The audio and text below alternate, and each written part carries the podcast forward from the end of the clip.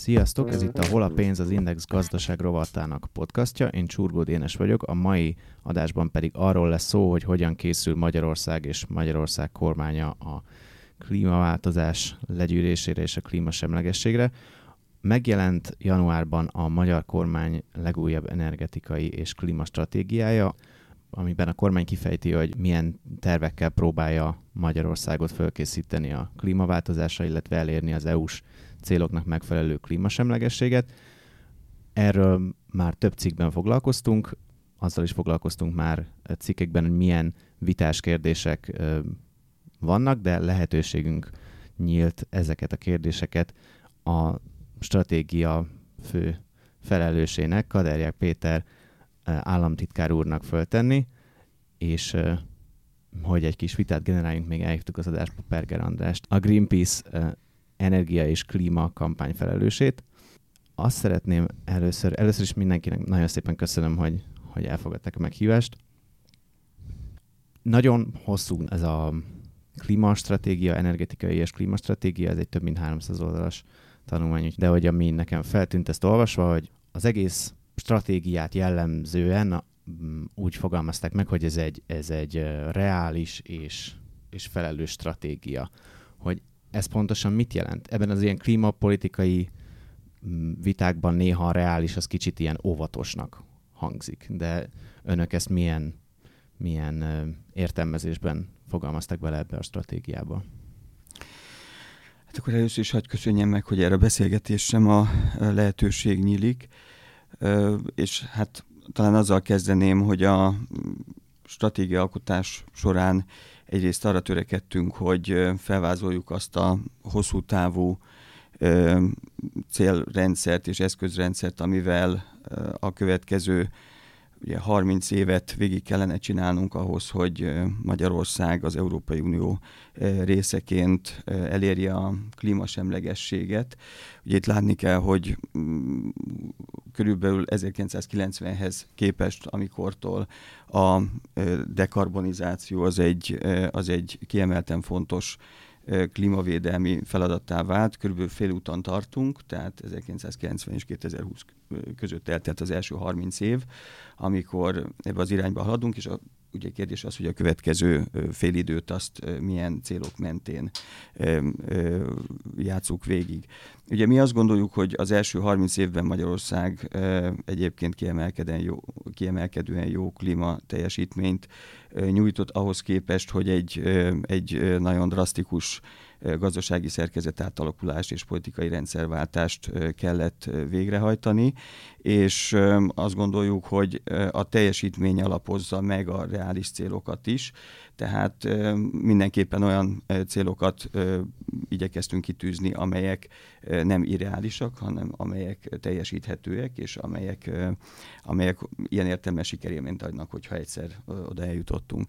2050-re tehát a magyar kormány a múlt év végén a teljes klímasemlegesség célját vállalta, és a stratégiai dokumentumoknak a, az a része, amely a 2030-as, tehát a rövidebb távú 10 éves, illetve 2040-es kitekintést adó célokat fogalmazza meg, ott pedig, ott pedig az Európai Unió jelenleg hatályos vállalásaival mi azt gondoljuk teljesen konzisztens célokat fogalmaztunk meg.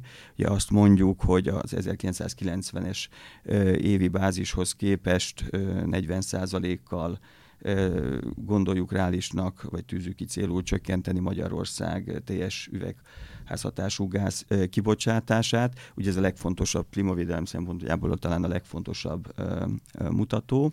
Ennek részeként a megújuló villamos, megújuló energia felhasználásunkat a jelenlegi 13% körüli szintről 21%-ra tartjuk reálisnak emelni, és ami a energia felhasználást illeti, mivel egy jelentős gazdasági növekedéssel kalkulálunk a jövő években is, azt gondoljuk, hogy a 2005-ös energiafelhasználási szinten stabilizálni, ez egy reális cél a magyar energia felhasználást, és ezáltal a jövedelemtermelésünknek az energia intenzitását javítani. Úgyhogy ezek azok a sarokszámok, ezek a fő számok, amelyek ezt a utat kijelölnék, és talán még egy gondolat ehhez, hogy természetesen a klímavédelemnek a céljait, amikor az energia és a klímastratégiát összeállítottuk, önmagában nehéz volt értelmezni, hiszen össze kell hangolni három nagyon fontos szempontot, az egyik a klímavédelemé természetesen,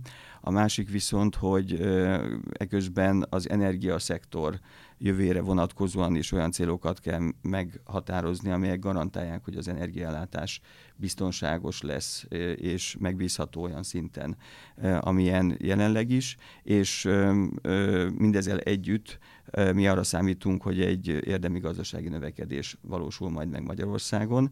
Tehát a gazdaságfejlesztés, az energiaellátás biztonság és a klímavédelem céljait kellett összehangolni, és mi azt gondoljuk, hogy ezben a, ebben a dokumentum csomagban talán ezt a három, ezt a három szempontot sok sikerült remélhetőleg összehangolni. Mi egyébként azt gondoljuk, hogy ez alapvetően a kormánynak a, az ajánlata, amit az asztalra letettünk, de nem gondoljuk, hogy a kormány a klímavédelemnek a célját egyedül el tudná érni. Tehát ez csak akkor lehetséges, hogyha Magyarországon mindenki lényegében a egyéni állampolgároktól, az önkormányzatokon keresztül az iparvállalatokig, a finanszírozókon át a fővárosi önkormányzatig, a politikai pártokig mindenki leteszi a maga ajánlatát emellé a csomag mellé. De amit itt ilyen reális és, és meg teljesítető stratégiának neveznek, az, az ön, ön szerint vagy az ilyen klímacélok elérése szempontjából ezt ön egy inkább óvatos, megfontolt stratégiának nevezni, amit még lehet kicsit bővíteni, hogyha, hogyha a takaró ér, vagy ez egy kifejezetten ambiciózus stratégia, ami, ami még így teljesíthető? Hát én azt mondanám, hogy azt mondanám, hogy ambiciózus ahhoz képest, amilyennek, amilyen Magyarország, amilyennek Magyarországnak a, az adottságai. Tehát arra szeretném felhívni a figyelmet, és azt itt jeleztem is, hogy 1990-hez képest Magyarország 2017-18-ra 32%-kal csökkentette az egykori kibocsátásait. Van számos olyan Európai Uniós tagország, amely nagyon klímabarát szóban, de ezen időszak alatt nem hogy egy százalékkal, de egyetlen tonnával sem tudta csökkenteni a kibocsátásait, és olyan országok vannak ebben a csoportban, mint például Ausztria, vagy Spanyolország, vagy Portugália, vagy Írország. Tehát én azt gondolom, hogy azt a célt kitűzni, hogy mi 2030-ra 40%-kal csökkentünk, mikor azok az országok, amiket említettem, jelenleg ott tartanak, hogy még egyetlen tonnát sem tudtak az egykori kibocsátási szintjükhöz képes csökkenteni, akkor azt gondolom, hogy ez egy ambiciózus stratégia. És hogyha megnézem azt, hogy mennyi Magyarországon az egyfőre jutó GDP mondjuk Ausztriához viszonyítva, akkor meg azt gondolom, hogy a gazdasági lehetőségeinken, vagy az erő, tehát erőforrásainkon felül teljesítettünk. András, egy zöld szervezet, a Greenpeace nézőpontjából ez milyennek tűnik ez a, ez a stratégia? Én azt gondolom, hogy a, nagyon időszerű volt az energiastratégiának a, a felújítás. Ugye 2011 körül készült az utóbbi, ami már azt kell mondani, már akkor idejét múlt volt, és azóta nagyon sok minden történt az energetikában, a klímaváltozás terén, amiket az, az akkor energiastratégia nem nagyon vett figyelembe. Ebből a szempontból tulajdonképpen szerencsés időpillanatban tudott ez az anyag, és a további anyagok, hiszen még egy egész csomagról beszélhetünk, hiszen van még egy nemzeti energia és klímaterv, amit már be kell nyújtani az Európai Uniónak, az készen van, illetve készül, hogy ott tudom, egy nemzeti tiszta fejlődési stratégia szintén az úgy fel az ENSZ felé. Megnézegettük ezeket, hogy többé-kevésbé koherensek egyébként, ami egy jó hír, mert az azt jelenti, hogy, hogy, hogy komolyan vette a minisztérium a munkát, és igyekezett olyan anyagokat lerakni, meg nem mondanak ellent nagyon egymásnak, és ez, ez, ez mindenképpen becsülendő, és mondom, hogy szerencsés volt a helyzet az időpillanat is, hiszen zajlik egy megújulós forradalom a világban, erre reagálnia kell a, a, a mindenkori kormányzatnak, illetve ugye betölt a klímaválság, képletesen is, ugye ezt a kép klímaválság szót használjuk ma már leginkább a, a, a klímaváltozás helyett, illetve valójában is egy érzékelhető, hogy nem csak a médiában növekedett meg az érdeklődés, hanem gyakorlatilag az az érzékelésünk, hogy ennek a klímaváltozásnak élei egyre inkább velünk élnek, azt már, azt már nem csak a médiából foghatjuk fel, hanem tulajdonképpen bármelyik nap, amikor kimegyünk az utcára kis túlzással, akkor nyugodtan azonos, azonosíthatunk akár időjárási jelenségeket is, azzal, hogy hát bizony a klímaváltozás már itt van velünk. Tehát erre reagálni kell. És ez, én azt gondolom, hogy nyilván nagyon sok vitánk van a minisztériummal, itt az anyag tartalmával kapcsolatban, nagyon sok kritikánk is van, de azt is, azt is el kell mondani, hogy végre elkészült, legalább valamit most már számon kérni, lehet mi mentén haladni, és egyébként még vannak benne jó dolgok is, tehát nem azt mondom, hogy itt minden borzasztó, hanem kifejezetten olyan dolgok is belekerültek, amelyekre korábban azt gondolom, hogy álmában eszembe nem jutott van akár, akár még ipari gazdasági minisztériumnak, hogy le van írva benne, hogy decentralizált energia, közösségi energia, és ezt támogatni kell, ösztönözni kell. Ezek nagyon jó dolgok. Persze látnak, lássuk meg a részleteket, meg hogy hogyan haladunk, de összességében én nem mondanám azt, hogy egy teljes mértékben korszerűtlen és elvetendő anyag. Korábban készültek ilyenek sajnos. Én már 20 éve foglalkozom majdnem energetikával, ez már a negyedik, ötödik ilyen ciklus, hogy új energiastratégiákat nézünk, és e, az esetek többségében nem ért el ezt a szintet, mint a most. Na most az ambiciózusságról beszélünk, akkor nyilván azt fogjuk mondani, hogy ez nem elég ambiciózus. E, megmondom miért. Ezért, egyrészt azért, mert e, nagyon helyesen van egy klímasemlegességi célja a magyar kormánynak, mi ezt korábbra vennénk, nem 2050-re, de beszélünk 2050-ről, az uniós országok is 2050-et határozták meg ennek. Most ehhez képest az ütem viszont nem elég gyors. Tehát azt mondjuk, hogy 2030-ig, a következő 10 évben gyakorlatilag 8% pontnyi kibocsátást kell megspórolnunk a 90-es szinthez képest. Lehet erre azt mondani, hogy ez egy reális ütem, főleg ha azt veszik, hogy a Mátra erőmű bezárásával még egy-két aprósággal tulajdonképpen már célnál is vagyunk viszont akkor is marad utána még egy 60%-nyi spórol igény, amit meg kell majd spórolni, arra viszont marad két évtizedünk, akkor úgy haladunk, hogy 10 év alatt egy 8-10% pont, majd a következő két évtized alatt évtizedenként ilyen 25-30-at kell lép, ö, elérni. Én azt gondolom, hogy itt van egy kis csodavárás, vagy egy kis, ö, nem feltétlenül csodavárás, inkább egy kis passzolás, ez majd a későbbiek majd megoldják. Biztos lesz majd rá forrás, majd biztos lesznek majd új technológiák, és akkor majd ez így megoldódik.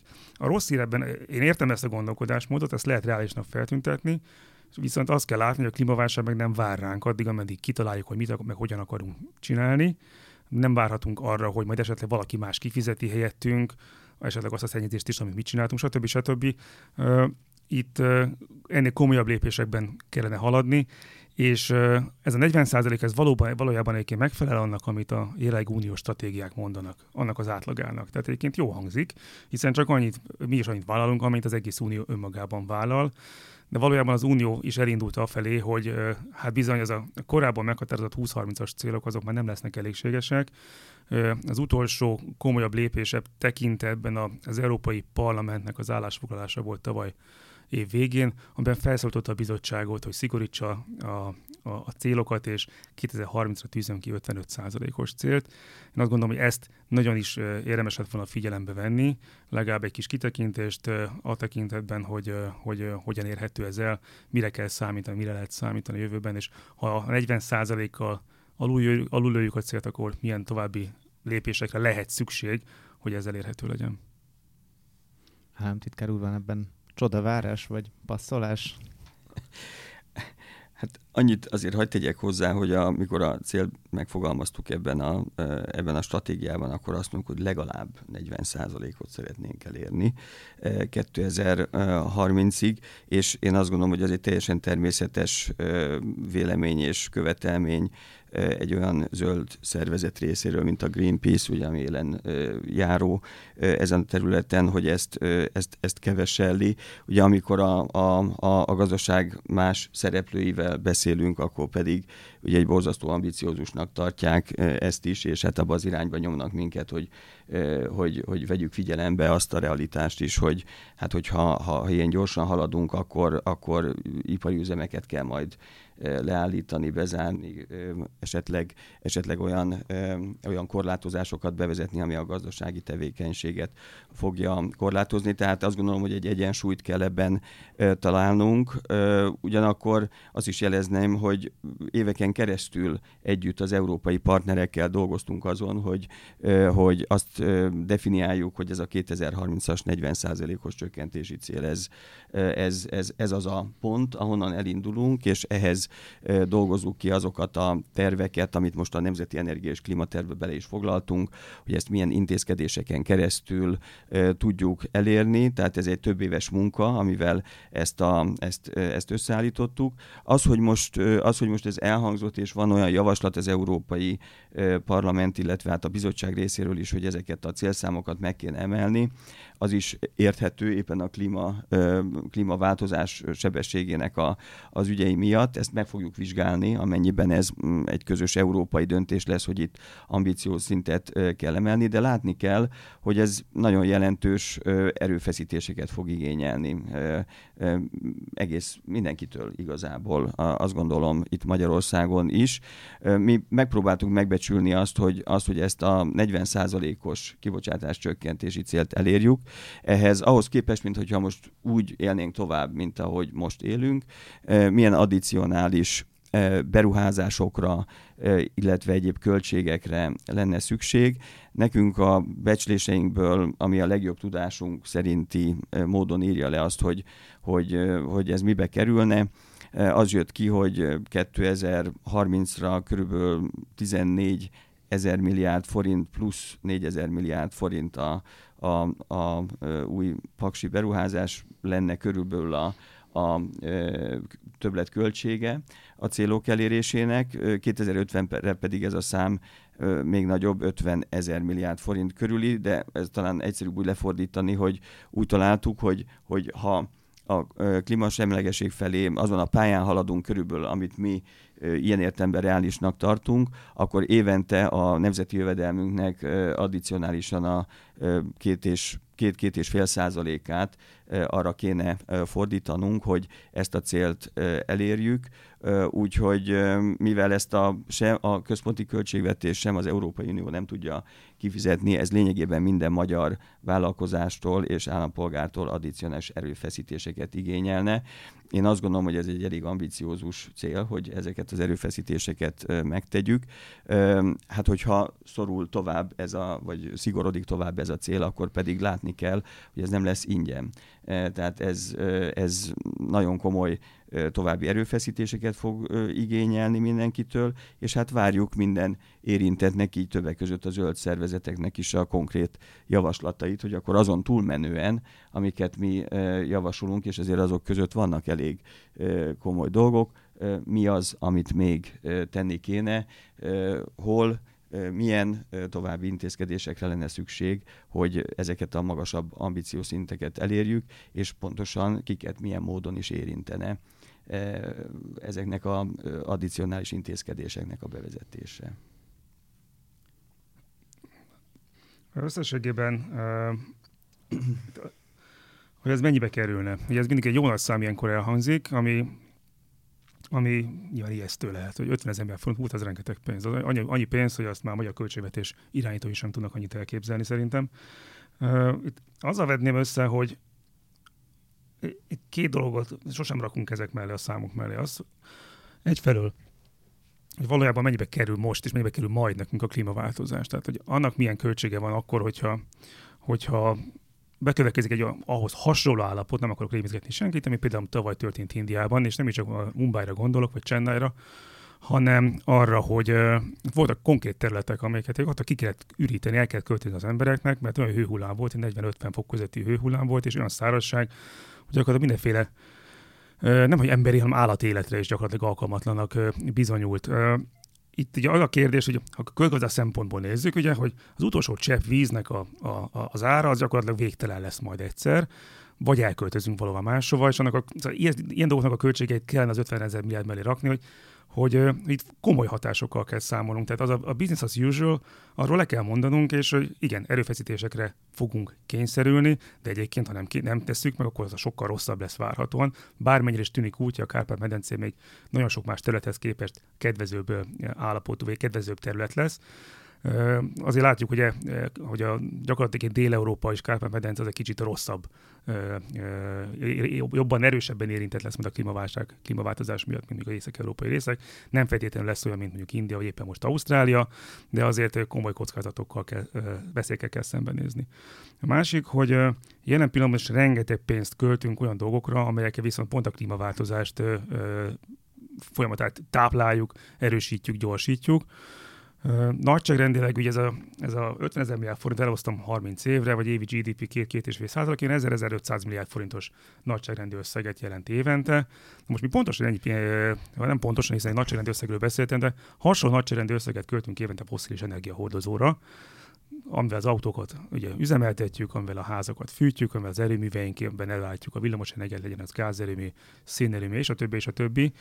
Itt nem lehet azt mondani, hogy nyilván nem lehet azt mondani, hogy ezt a pénzt költsük el kétszer, egyszer költsük el olajra, egyszer költsük el energiahatékonyságra, ez nem így működik, de a kettőt kezdjük el összemérni, és nézzük meg, hogy hogyan tudjuk azt a rengeteg pazarló módon elköltött energiát és pénzt, de az alá ráfordított pénzt becsatornázni máshova. Tehát itt jön az szerintem, hogy az államnak mi a szerepe ebben az egész történetben. Nem feltétlenül kell neki pénzt adni, egyébként kell, de és nem feltétlenül kell azt mondani, hogy akkor ezt az adóból kell, és az emberek fizessék ki, stb. stb., hanem valójában el lehet kezdeni akár ösztönzőkkel, kisebb projekttel, kisebb nagyságrendű összegekkel ezeket a beruházásokat, amikre feltétlenül szükség van, és utána az abból felszabaduló az, az, látni kell, hogy az az energia, amit mi felhasználunk, annak a döntő része az külföldről érkezik. Ez azt jelenti, hogy bármelyik fizetés ért a, a, a lakos, a, a határon valamekkor a költsége biztosan keletkezik. Az tök mindegy, hogy ezt a lakosnak nem kell megfizetni, az a pénz, amit a gázért, meg a kőolajért fizetünk, az szépen kimegy az országból.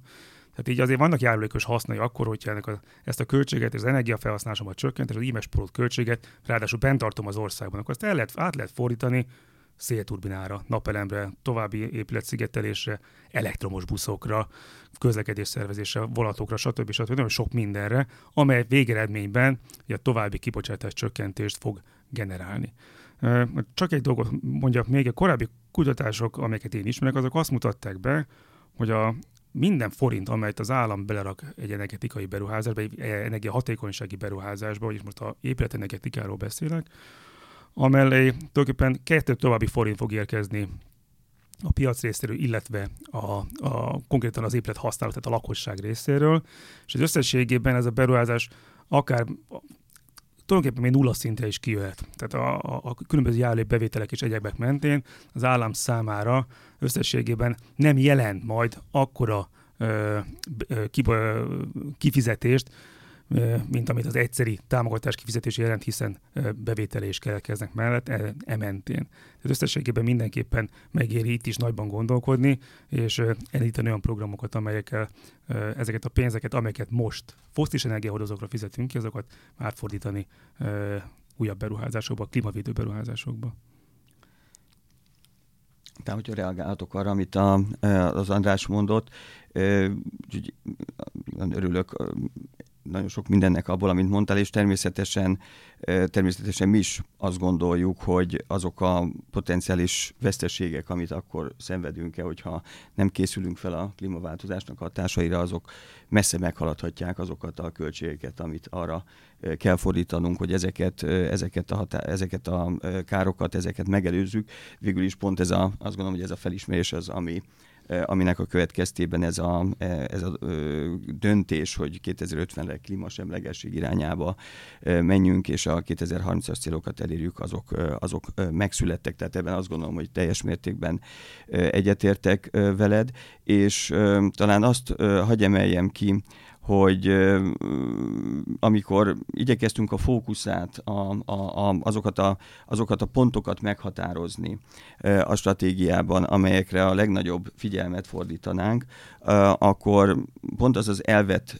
tartottuk szem előtt, hogy amikor egy klímavédelem szempontjából kedvező intézkedést hozunk, legyen ez egy szabályozó intézkedés, vagy pedig támogatás, akkor olyan területekre fókuszáljunk, ahol a addicionális hasznai ennek az intézkedésnek számon vagy tetten érhetőek. Tehát egy példát említsek, akkor, amikor megújuló energia felhasználásnak a fokozását segítjük elő, támogatjuk, akkor egyben mérsékeljük azokat a kockázatokat, amire az András is utalt, tehát csökkentjük a foszilis energia import kitettségünket, tehát erősítjük Magyarország energiafüggetlenségét, és azt is elérhetjük, hogy a fogyasztók a saját fogyasztásuk egy részét helyben megtermelt megújuló energiával állítják elő.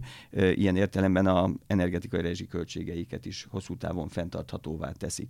Tehát egy klímavédelmi célú intézkedést akkor tartunk a legjobbnak, ha ez egyben erősíti az energiafüggetlenségünket, kordában tartja a rezsikiadásainkat, és ha még olyan innovatív megoldásról van szó, amely ma jellemzi ezt az iparágat, akkor még a gazdaságfejlesztési stratégiáinkhoz is hozzájárulhat. Tehát, tehát nagyon sok ilyen potenciált látunk ezen a területen.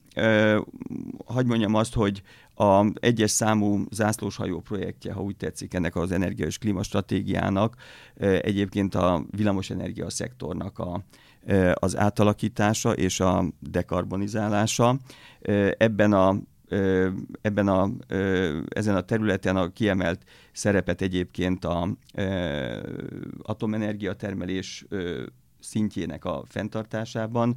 Látjuk, azt gondoljuk, hogy mivel nagyon ambiciózus ambiciózusak a célok, ezért minden lehetséges technológiára szükségünk lesz, hogy a, ezeket a hosszú távú célokat elérjük, ebben az atomenergia is szerepet játszik. A másik fontos terület az a megújuló villamosenergia termelésnek a fokozatos és nagy mérvű növelése.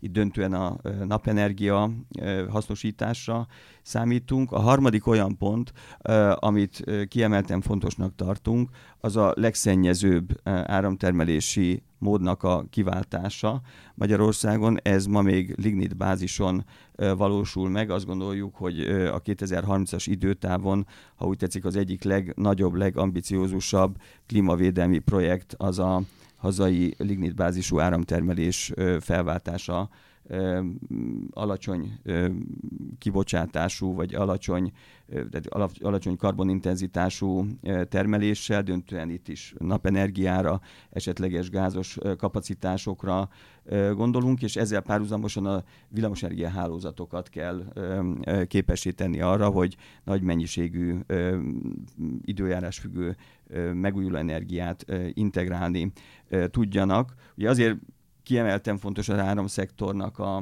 a karbonmentesítése, mert csak akkor hiteles erre egy olyan programot felépíteni, amely a közlekedés zöldítését célozza. Ugye Magyarországon ma még a második, de a 2030-as időtávon a legnagyobb üvegházhatású gáz kibocsátó szektor úgy látjuk a közlekedés lesz, és a kormányzati energia és klímastratégiának az áramszektor dekarbonizálása mellett, vagy arra építve a közlekedés zöldítés a másik kiemelt ö, projektje, és ezen belül olyan típusú programok is, amit András említett, szerepet kapnak a stratégiában, az, az, ezek közül az egyik a városi közlekedésben a szennyező buszoknak a lecserélése, döntően elektromos meghajtású buszokra, de hát egy elektromos meghajtású busz is akkor igazán jó megoldás, hogyha mögötte a villamosenergia termelés az, az nem karbonintenzív, és emellett pedig az e-mobilitásnak a, a további, további ösztönzése. És talán egy terület még, ahol azt gondoljuk, hogy a klímavédelem szempontja, a energiafüggetlenség erősítésének a szempontja és a rezsi megfontolásoknak, az energiaköltségek szinten tartásának a szempontja rendkívül fontos, az az energiahatékonysági projekteknek a támogatása. Ugye ez a stratégia, amit az asztalra tettünk, ugye azt az eszköz nevezi meg az energiahatékonysági célok elérése legfőbb eszközének, amit egyébként az Európai Uniós szabályozás is annak tekint, ez az úgynevezett energiahatékonysági kötelezési rendszernek a bevezetése, ahol a legnagyobb energiaszolgáltatókra kerül az a kötelezettség, hogy évente egy bizonyos előre meghatározott mennyiségű energia megtakarítási beruházást megvalósítsanak. Ilyen értelemben a szennyező fizetelv is ilyen értelemben érvényesülni fog, és abban bízunk egyébként, hogy a kötelezettek a jövőben majd megtalálják azokat a leg költséghatékonyabb beruházásokat, amelyel úgy lehet az energia megtakarítást elérni, hogy közben ez egyébként a legkevesebb költség mellett valósul meg. Tehát a klímahatékonyság és a közgazdasági hatékonyságnak egy, egy, egy jó kombinációja lehet, lehet ez a rendszer. Kicsit a, a megújuló, megújuló energiánál maradva, meg az áramtermelésnél maradva, hogy Orbán Viktor is beszélt arról, hogy erről a klíma stratégiáról, meg energiastratégiáról komoly viták voltak a kormányon belül, és a sajtóban meg is jelentek hírek azzal kapcsolatban, hogy a vitaanyaghoz képest a végső stratégia sok szempontból, vagy több, több ponton változott, voltak, amik kikerültek belőle, meg voltak, amik olyan dolgok, amik, amik más formában kerültek bele. Például ugye a népszava írt arról, hogy a, hogy a, az energiater, teljes energiatermelésben a megújulók részaránya az kisebb, az ilyen tervezett részaránya az a végső stratégiában kisebb, mint ami így a vitaanyagban volt. És egy másik komoly változás, hogy, hogy ugye a, azt mi is írtuk, hogy a, hogy a stratégia az nagyon-nagyon nagy mér, mértékű napenergia növeléssel, vagy kapacitás növeléssel számol, szélenergiával viszont gyakorlatilag minimálisan, és hogy ez a vitaanyagban egy kicsit kiegyensúlyozottabb volt, ott, ott szerepelt a szél. Mi, miért um, változtak ezek az arányok, um, és, és, és miért, miért lett kevésbé, vagy miért lett kisebb a, a ilyen tervezett megújuló részarány? Hát először pontosítanék, ugye a tervezethez képest, és ö, itt elsősorban a Nemzeti Energia és Klimatervnek a tervezetét ö, említeném, amelyet ö, 2019. januárjában küldtünk meg a bizottságnak, és utána került ez publikálásra. Abban a végső energia felhasználáson belül 20%-os megújuló energia részarány tűztünk ki tervezett célként 2030-ra. A végső stratégiában, amelyet most publikáltunk, ez a 20% 21%-ra nőtt, tehát nem csökkent, hanem, ha nem is túl nagy mértékben, de nőtt a tervezethez képest. Egyébként itt a bizottság azt ajánlotta, azt mondta, hogy Magyarország akár 23%-ot is el tudna érni. Egyébként valószínűleg lehet, hogy el tudna érni, ezért is írtuk a végső változatba, hogy legalább 21%-ot tervezünk 2030-ra. Tehát a megújuló részarány az magasabb, mint a tervezetben volt. Egyébként a stratégia az, ami megjelenik, tehát ami előtte volt, az az, hát az ilyen vázlatnak tekinthető, de valójában igaz az, hogy sok vita volt, a, már gyakorlatilag másfél évig dolgoztunk ezen a stratégiai csomagon, és az egyik fontos, talán a legnagyobb kívást jelentő része volt a munkának egyébként a, a, az árampiaci jövőképnek a kialakítása. Tehát például a földgáz szektorban nagyjából tudjuk azt, hogy, hogy, hogy, hogy, hogy mi zajlik, merre van előre, és egy, egy, egy viszonylag, ö, hogy is mondjam, csak ö, folyamatos tendencia az, amit a földgáz szektorban tapasztalunk. A villamosenergia szektorban viszont nagyon nagy változások zajlottak le az elmúlt évtizedben. Itt volt a legnehezebb azt összerakni, hogy, hogy az ellátásbiztonságot és a dekarbonizációt hogyan lehet egyszerre megvalósítani a jövőben a magyar áramszektorban. Ez azt jelenti, hogy nagyon sok különféle jövőbeni villamosenergia forgatókönyvet vizsgáltunk meg, és elemeztünk, és természetesen ezeknek az elemzéseknek a, a, az eredményeit ö, bocsátottuk a kormány elé, hogy mérlegelni tudja, hogy ö, milyen irányba ö, látja azt, hogy merre haladjunk előre. És az egyik vita valóban azon a kérdésen volt, hogy a azon nem volt, hogy a atomenergiának a jövőben is szerepe kell legyen, azon sem volt, hogy csökkenteni kell az áram import arányunkat. Itt a jelenlegi 32%-ról egy olyan forgatókönyv felé mentünk, amely 2040-re 20% körüli szinten tudja stabilizálni a villamosenergia importkitettségünket. A vita azon volt, hogy a megújuló portfóliónk összetétele hogyan nézzen ki. Ma azt gondoljuk, hogy ebben a tekintetben, úgy, ahogy más Európai Uniós országok is, arra kell fókuszálnunk a támogatásainkat, amiben a legjobbak az adottságaink. Más ország is ezt teszi. Mi azt gondoljuk, hogy Magyarországon a napenergiában a legjobbak az adottságaink, emellett a geotermikus energiaforrásaink, illetve a biomassa potenciálunk nagyon erős, tehát elsősorban ezekre a területekre szeretnénk koncentrálni a támogatásunkat.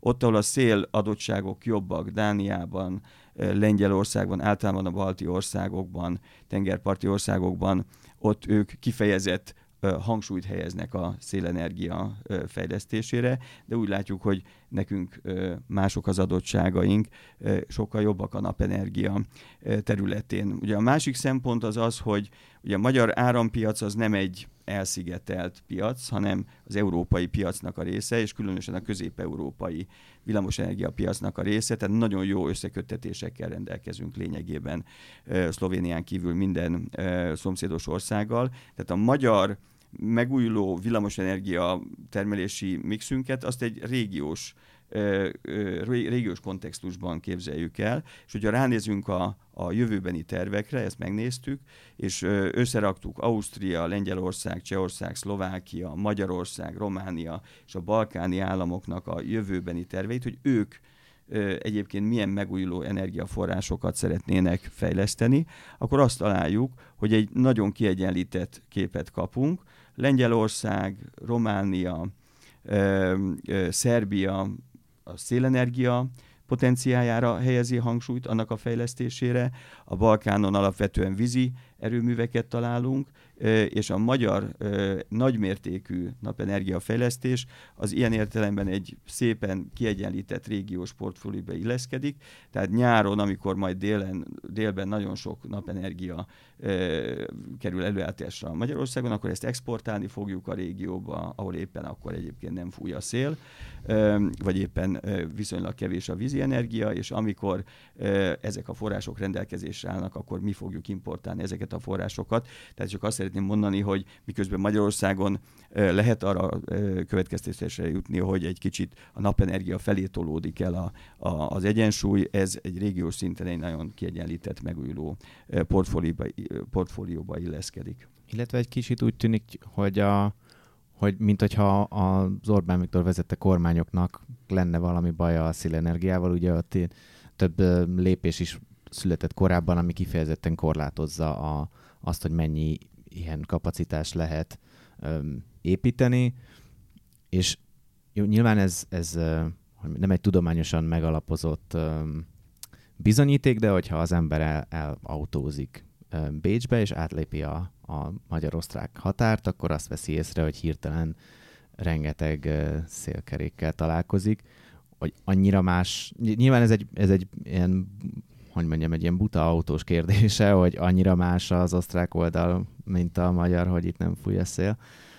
Ez nem azt támasztja alá, hogy annyira mások az adottságok.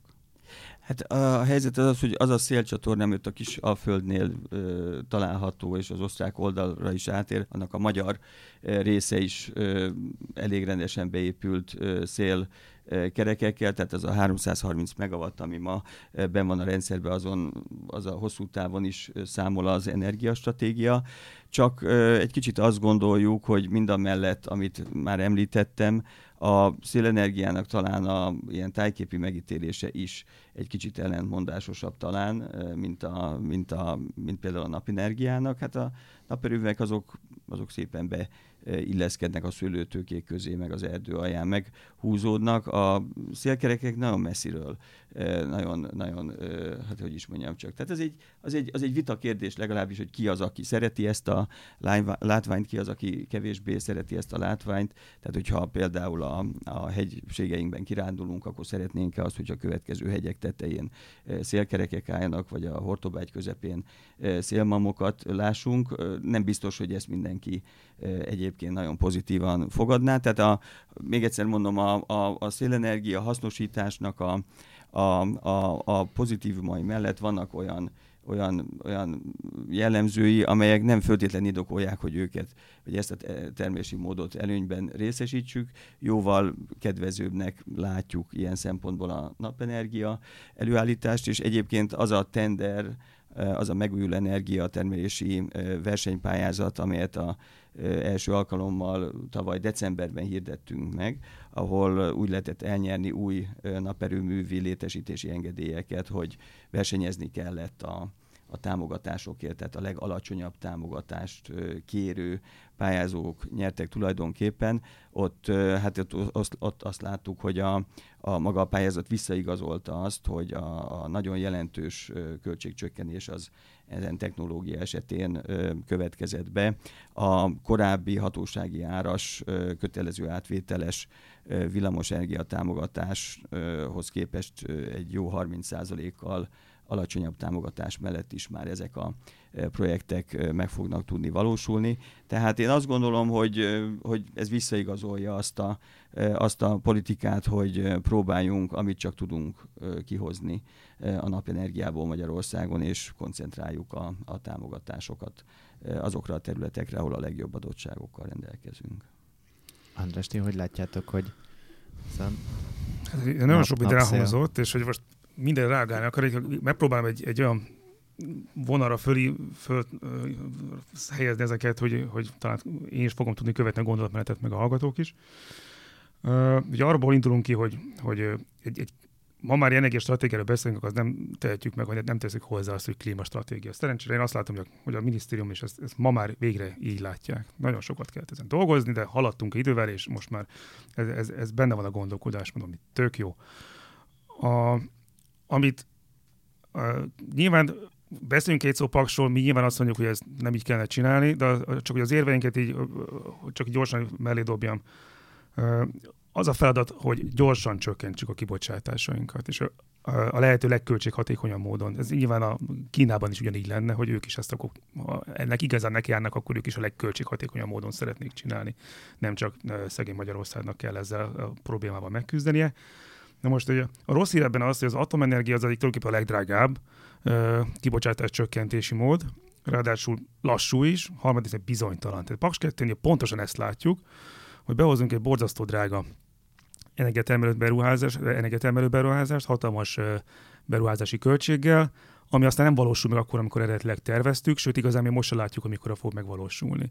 Tehát ugye 2009 óta halljuk, hogy lesz Paks 2, először 20-21-ről volt, hogy addigra majd termelni fog, aztán lett 24, 25, 26, 27, most éppen 29, 30, de mi, mi innen kívülről megint azt látjuk, hogy ha bejön idén tényleg az engedélykérelem, és a hatóság elbírják 15 hónap alatt, stb. stb. tényleg elkezdi. Ha nem lesz semmi probléma, akkor esetleg megépülhet 29-30-ra. De ahhoz egy feszített munkatempó kell, és rengeteg szerencsének, hogy minden úgy valósul meg, ahogy ezt most éppen elterveztek, és pont nem ez történt, de pont az ellenkezőre bizonyosodott be mindig, és általában az atomenergia programok azok ilyenek, mint a négyes metró, hogy na majd egyszer kész lesz, és majd egyszer majd fogsz szállítani utast, lehet, hogy kevesebbet, és lehet, hogy drágább lesz. Szóval, hogy láttunk már ilyet, és éppen ezért uh, mi nem bízunk ha csak klímavédelmi szempontból beszélünk az atomenergetikáról, felejtsük az összes többit, a hulladékot, meg a biztonságot, akkor is ennél sokkal jobb, gyorsabb, költséghatékonyabb projektek is vannak. És éppen ezért fájó nekem, kicsit visszatérve a, az épületenergetikai támogatások kérdésére, én kicsit túlzottan optimistának tartjuk azt a megfogalmazást, hogy az államnak nincsen igazán szerepe, majd az eszkók meg majd a kötelezettségeljárás keretében ez meg fog valósulni.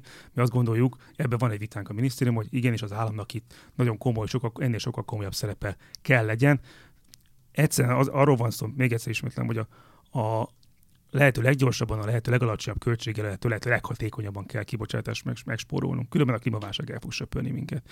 Magyarországon ebben a tekintetben a legnagyobb potenciál az az épületenergetikában van. Ez egy közhely, hogy milyen állapotban vannak a magyar épületek, milyen állapotban vannak a magyar épületek, hogy mennyire elavultak, mennyire pazarlóak, mennyire pazarlón is bánunk az energiával mellesleg ezekben az épületekben. Itt lehet a leggyorsabban a legtöbbet megfogni, és ez jó kalkulálható, ellentétben mondjuk egy atomenergetikai projekttel. A szélenergetika nem fordítanék sok szót, nagyjából kibeszéltétek. Annyit tennék hozzá, hogy a, a, a jelenleg is érvényben levő megújuló energia cselekvési terv, ami 2011-12-ből származik, az, az azt mondta, hogy jelenlegi 337 750 megawattra rémlik, amire azt mondta az az anyag, hogy gond, gondmentesen, gond nélkül elhelyezhető lenne a magyar villamos energia rendszerbe. Gyakorlatilag nem lenne hálózatfejlesztési kötelezettsége senkinek, kivéve azt, ami ráhárul a, a beruházókra. Ennyi nyugodtan be lehetne engedni a rendszerbe. Ezzel aztán ezzel a ígérette végül semmi nem lehet, ugyanúgy 330 megawatt van, mint régen. Korábban voltak számítások, akik még ezret is elbírna a rendszer, és nyilván lenne beruházói szándék. Mi azt gondoljuk, hogy azt, hogy Magyarország marad ezen a 330 megawattos szinten, az egyfelől örömteli, mert a, a NEC-nek az első verzió még nulla megawattal szávolt 2030-ra, tehát már is nyertünk 330 megawatt szelet, de komolyabban beszélve erről, itt, itt én azt gondolom, hogy ezzel nyilvánvalóan Magyarország teret és időt és pénzt veszít azzal, hogy ezt a technológiában nem gondolkodik és nem megy előre.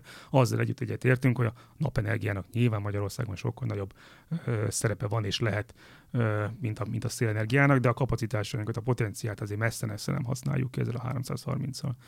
Ö, de rátéve arra, hogy mi az, ami jó, mert ne csak ö, ö, kritizáljunk, tovább is azt gondoljuk azt, hogy a napenergetika ilyen szerepet élvez ebben az anyagban, az egy nagyon jó dolog. Uh, nyilván Magyarország ebben ahogy szokott, egy követő állásponton van, megvárta addig, ameddig máshol ez most már úgy néz ki, hogy na, lehet, hogy na, tényleg működik.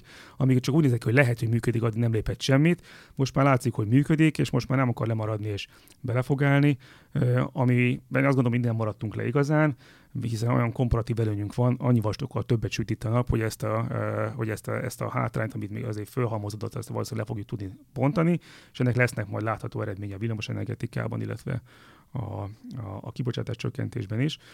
Csak megjegyezném, hogy a múlt héten, múlt csütörtökön kivételesen kisütött a nap, és akkor azt lehetett látni a Mavir görbéjén, hogy amikor kisüt a nap, akkor a Máté erőmű termelését szépen visszafogták. Legalábbis megnéztem azt, hogy úgy nézett ki, hogy nem volt üzemzavara, ahogy szépen így hasasodott ki a, a, a napnak a görbéje, a Máté erőműnek a görbéje szépen úgy lett szépen ilyen homorú, addig szépen el kell kezdeni visszafogni a, a Máté erőműnek a termelését. Ebben nyilván nem csak technológiai kötelezettség, meg egyébek vannak, hanem, hanem mindenféle pénzügyi kereskedelmi és egyéb ok is, de hát látjuk, hogy ha a Máté erőművet a télen ki tudjuk váltani, lehet, ha váltsuk ki minél hamarabb, mi 2025-öt mondanánk egyébként, hogy addigra ezt meg kéne oldani, addigra úgyis szétesik egyébként, de lássuk meg, a lényeg az az, hogy, a, hogy egy, egy kvázi kötelezettségszerűség már van az anyagokban, hogy 29-30-ig szeretné a kormány be, bezárni, ez már is több, mint amivel még egy, egy évvel ezelőtt számítottunk, mondanám, hogy még hozzuk előrébb, és akkor még boldogabbak leszünk.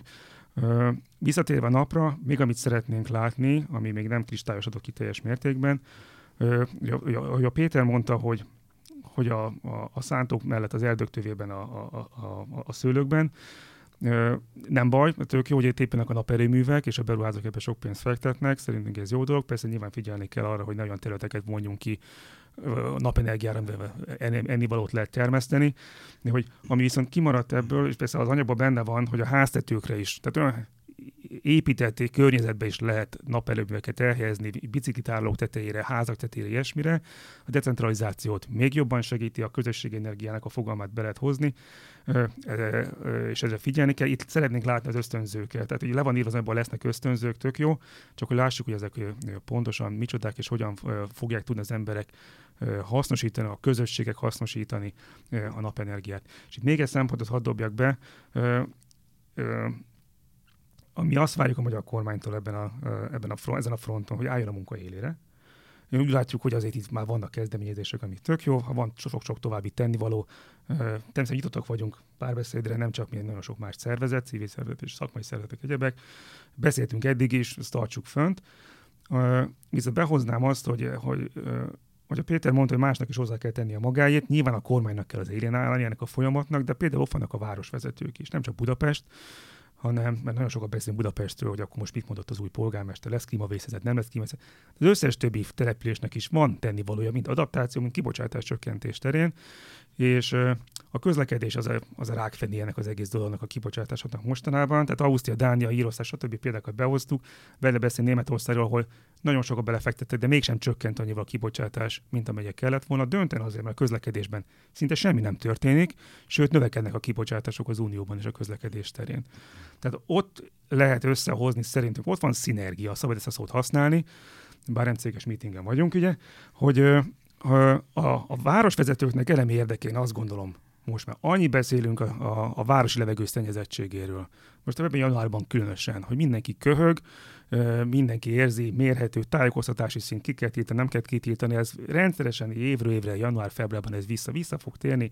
Az embereknek igenis most már van elvárásuk, amire lépni kell, hogy hogy lehet csökkenteni a légszennyezettséget, egy döntő része a, a a, a jármű, járműforgalomból adódik. Itt lehet összerakni dolgokat, mert van egy országos klíma cél, kibocsátás csökkentési cél, amit a közlekedésen nem pontosan látunk, de ezt lehetne fokozni is, viszont itt, itt az, ahol hozzá lehetne rakni a városvezetőknek is azt, hogy nekik, nekik nem a kibocsátás csökkentés feltétlenül a céljuk a közlekedés szabályozással kapcsolatban, hanem a levegő szennyezettségének a csökkentése, tehát a kettő összeérik.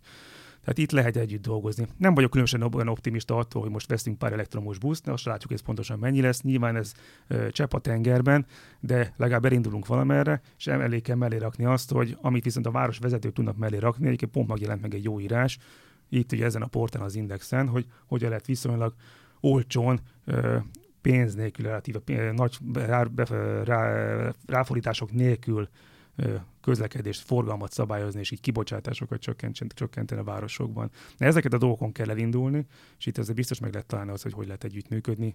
Kormányzati, ellenzéki, ez nem érdekes, itt azt gondoljuk, hogy itt azért vannak közös célok, amikor a, a politikai szembenálláskor még ebbeket el lehet felejteni, és a végén az egészben mindenki csak nyerni fog. Ezeken kell előre haladni.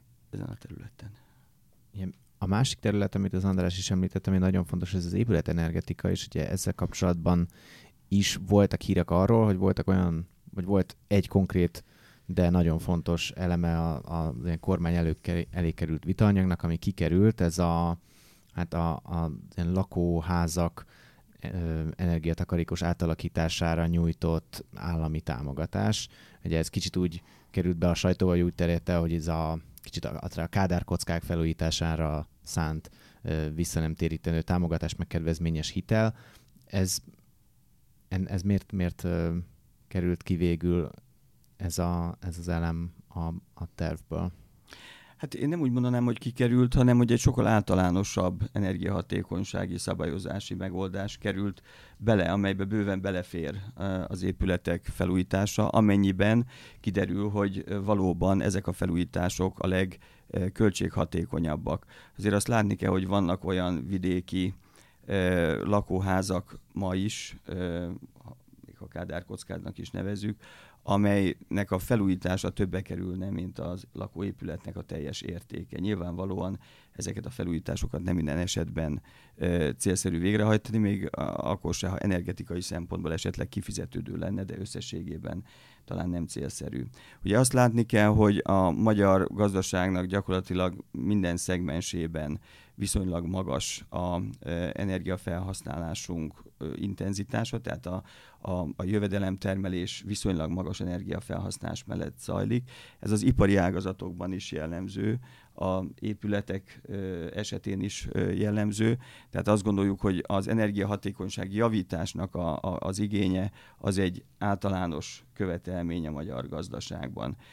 És rendkívül fontos, hogy éljünk ezekkel a lehetőségeinkkel, hiszen ez nem csak a, megint csak azt mondom, nem csak a klímának jó, hanem minden olyan esetben, ahol ilyen beruházás megvalósul, ott hát egy jelentős energiaköltségcsökkenés tud megvalósulni. Tehát versenyképességi szempontból is fontos, hogy meg egyéni jóléti rezsi szempontból is hogy ezek megvalósuljanak. Mi azt a nemzetközi tapasztalatok alapján egy olyan kötelezettségi rendszer kialakítását kezdjük el, ahol abban bízunk, hogy, a, a, hogy, hogy, hogy azok a fejlesztések fognak ténylegesen megvalósulni, amelyek még egyszer a legkisebb ráfordítással a legnagyobb energia megtakarítást tudják majd hozni a magyar gazdaságban. Azt gondolom, hogy ez egy magába véve kifejezetten kívánatos cél. Emellett természetesen nem tervezzük, hogy megszüntetnénk számos olyan támogatási formát, amely ma létező, csak hogy egyet említsek, jelenleg is elérhető például a Magyar Fejlesztési Banknál az a 0%-os hitelkonstrukció, amelyben egyéni lakásokra, illetve társasházak felújítására ezen belül megújuló energia, beruházás, vagy fűtési rendszer korszerűsítésre lehet lényegében ingyen hitelt igényelni. Azt látjuk, hogy rendkívül népszerűek ezek a konstrukciók, viszik ezt a pénzt a fogyasztók, a felhasználók, és ma is számos olyan beruházás valósul meg, egyébként pont tetőre szeret napelemek formájában, hőszivattyús rendszereknek a megvalósításában, lakásoknak a szigetelésében, amelyet kifejezetten ezek a konstrukciók segítenek elő, és nem csak a lakossági fogyasztóknál, hanem a döntően magyar tulajdonú kis- és középvállalkozói szektorban is vannak ma olyan programjaink, amely kifejezetten épület korszerűsítésre, fűtésrendszer korszerűsítésre vonatkoznak. Megint csak egy példát említsek, a úgynevezett gazdaságfejlesztés és innovációs operatív program keretén belül tavaly novemberben hirdettünk meg magyar kis és középvállalkozásoknak egy olyan támogatási konstrukciót, ahol a saját energiafogyasztás, saját villamos energiafogyasztás részleges kiváltására lehetett napelemes rendszerek, tetőre szerelt napelemes rendszerek támogatására pályázni. Ez egy 20 milliárd forintos keret volt, és gyakorlatilag január 15-én, amikor lejárt ez a pályázat, akkor a 20 milliárd forintos keretre 24 milliárd forintnyi pályázat futott be, ami azt jelenti, hogy nagyon nagy, nagyon intenzív az igény a, a, a, a, a kis és középvállalkozások körében is, hogy kifejezetten egy klímabarát megoldással saját energiaköltséget ö, takarítsanak meg. Úgy becsüljük, hogy csak ennek az egy programnak a hatására ö, olyan 95 megawattnyi beépített napelemes kapacitás fog felkerülni a vállalkozásoknak a, a háztetejére, vagy a, a, a, közelébe, és hát ezt egy nagyon, nagyon pozitív dolognak tartjuk, úgyhogy ezeket a programokat ö, mindenképpen folytatni szeretnénk, csak, a, ö, csak mondjam, egy, egy, át, még, egy még általánosabb, ö, viszonylag erős ösztönzőt ö, szeretnénk a rendszerbe betenni, ami az épületek mellett a egyéb tevékenységeknek az energiahatékonyságát is felméri, összeveti az épületekével, és ott a szereplők majd eldöntik, hogy hol célszerű és hol költséghatékony a legjelentősebb energiahatékonysági beruházásokat megvalósítani. De akkor jól értem, hogy egy kicsit csúnyában megfogalmazva úgy látta a kormány, hogy ezeket a, az épületeket, amikre korábban volt egy ilyen programtervezet, ezeket a, most hívjuk őket kádárkockának, vagy ilyen ilyen magán házakat, vagy lakóházakat, hogy ezeket egyszerűen ezeket nagyon drága felújítani, és, és akkor inkább költse más um, módon az energia felúj, energetikai felújításra azt a pénzt a kormány, amit erre szánt korábban ilyen támogatást? Inkább azt mondanám, hogy az egy, az egy túlzottan szűk és túlzottan specifikált ö, ö, program ahhoz képest, amekkora problémával szembenézünk, és egy olyan jóval általánosabb ö, ö, ösztönzőre tesz javaslatot, vagy annak a kialakítását célozza meg most ez a javaslat, amiben beleférnek ö, a kádárkockák, hiszen hogyha lesz olyan egyetemes szolgáltató például, amelyet ö, kötelezni fog majd ez a rendszer arra, hogy megtakarítson energiát, és az ő elsődleges ügyfelei azok a, a, lakosságból vannak, akkor ö, nagy valószínűséggel fog azon gondolkozni és fog azon dolgozni, hogy hogyan lehet ezeknek az egyedi épületeknek a, a végrehajtott beruházásokkal a kötelezettséget teljesíteni, de megnyitja azt a lehetőséget is, hogy más területeken, tehát ne ilyen leszűkített módon, hanem más területeken is ott lévő viszonylag egyszerű, viszonylag költséghatékony megoldások azok nem maradjanak ki a, a látóköréből ennek a programnak. András, ti hogy látjátok ezt a, a tervezetnek az én épület energetikai részét, hogyha már ezt így te is felhoztad? Uh, hát nyilván azért hoztam föl, mert uh, számomra ez a legfájóbb pontja uh, ezeknek az anyagoknak, hogy uh, költséghatékonyság és a kibocsátás csökkentési potenciál tekintetében azt gondolom, hogy sokkal többet kell tenni a, meg kellene tenni a, a magyar államnak, és kicsit opt, optimistának tartom azt az elképzelést, hogy majd a, ezek a kötelezettségi rendszerek ezek meg fogják oldani ezt a problémát.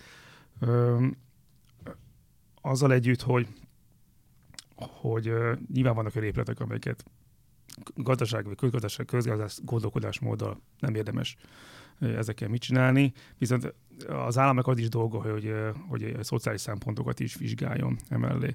Tehát nem lehet azt mondani, hogy ez az épületet, nem feltétlenül lehet azt kijelenteni, ezt az épületet olcsóbb lebontani és építeni helyette egy másikat, energiahatékony, mint, mint belepumpálni nagyon sok pénzt, hogy energiahatékony legyen. Csak van, van egy energiaszegénység, egy szociális dimenziója is ennek a kérdésnek, amit én azt gondolom, hogy a, a, a, ha a piaci igyekszünk meg megoldani ezt a kérdést, akkor az nem fog tudni ö, kezelni. Ö, túl azon is, hogy túl azon, hogy ö, még mindig nem látjuk azt a ívet, azt a menetrendet, hogy ezek, ezek a beruházások meg fognak valósulni. Azzal együtt, hogy a, a, a piac, mind a megújulós piac, mind az energiahatékonysági piac már régóta mondja, hogy az se baj, hogyha nincsen támogatás, csak akkor mondják ki, hogy nincsen támogatás. Mert amíg az emberek azt várják, hogy inkább most várok, mert tavaly volt egy hűtőre egy, egy, egy pályázat, én nem akartam hűtőt venni, de várok még hátra lesz idén nyílászáróra, akkor végül azt jelenti, hogy csak hogy húzdik, húzódik, csúszik, halasztódnak ezek a beruházások, akkor vesztünk megint időt. Energiát nem fogunk annyit megspórolni, mint megspórolhatnánk, és a, ott vannak azok a cégek, amelyeknek csinálnák, építenék a napelemet, meg szigetelnék a házakat, viszont ők meg nem kapnak megrendelést, mert a beruházók meg várnak arra, hogy hátra lesz majd állami támogatás. Most, ha ez nem lesz, lesz vagy nem lesz, azt gondoljuk, hogy legyen, de ha nem lesz, akkor is legyen nagyon egyértelműen kijelentve, legyen egy világos, mert az egyik része ennek az, hogy mire mennyi pénz lesz, és hogy mikor lesz. Ha ez teljes mértékben kiszámítható lesz, hogy mikor, milyen beruházásokra érdemes majd pályázni, kinek, az egy nagyon fontos pozitív jelzés a, mind a felhasználók, mind pedig a cégek számára. Hát Galerják Péter energetikai és klímaügyi államtitkárnak és Berger Andrásnak a Greenpeace klíma kampányosának nagyon-nagyon szépen köszönöm, hogy itt voltak és ilyen jó sokat beszélgettünk erről. Nektek pedig hallgatok azt ajánlom, hogy olvassátok a klímastratégiával kapcsolatos cikkeinket, úgy általában a klímaváltozásról, klímaválságról is nagyon sok cikkünk van a Zöld Index tag alatt, és a podcastokban is fogunk ezzel foglalkozni, úgyhogy hallgassátok a podcastjainkat is. Sziasztok! Bye.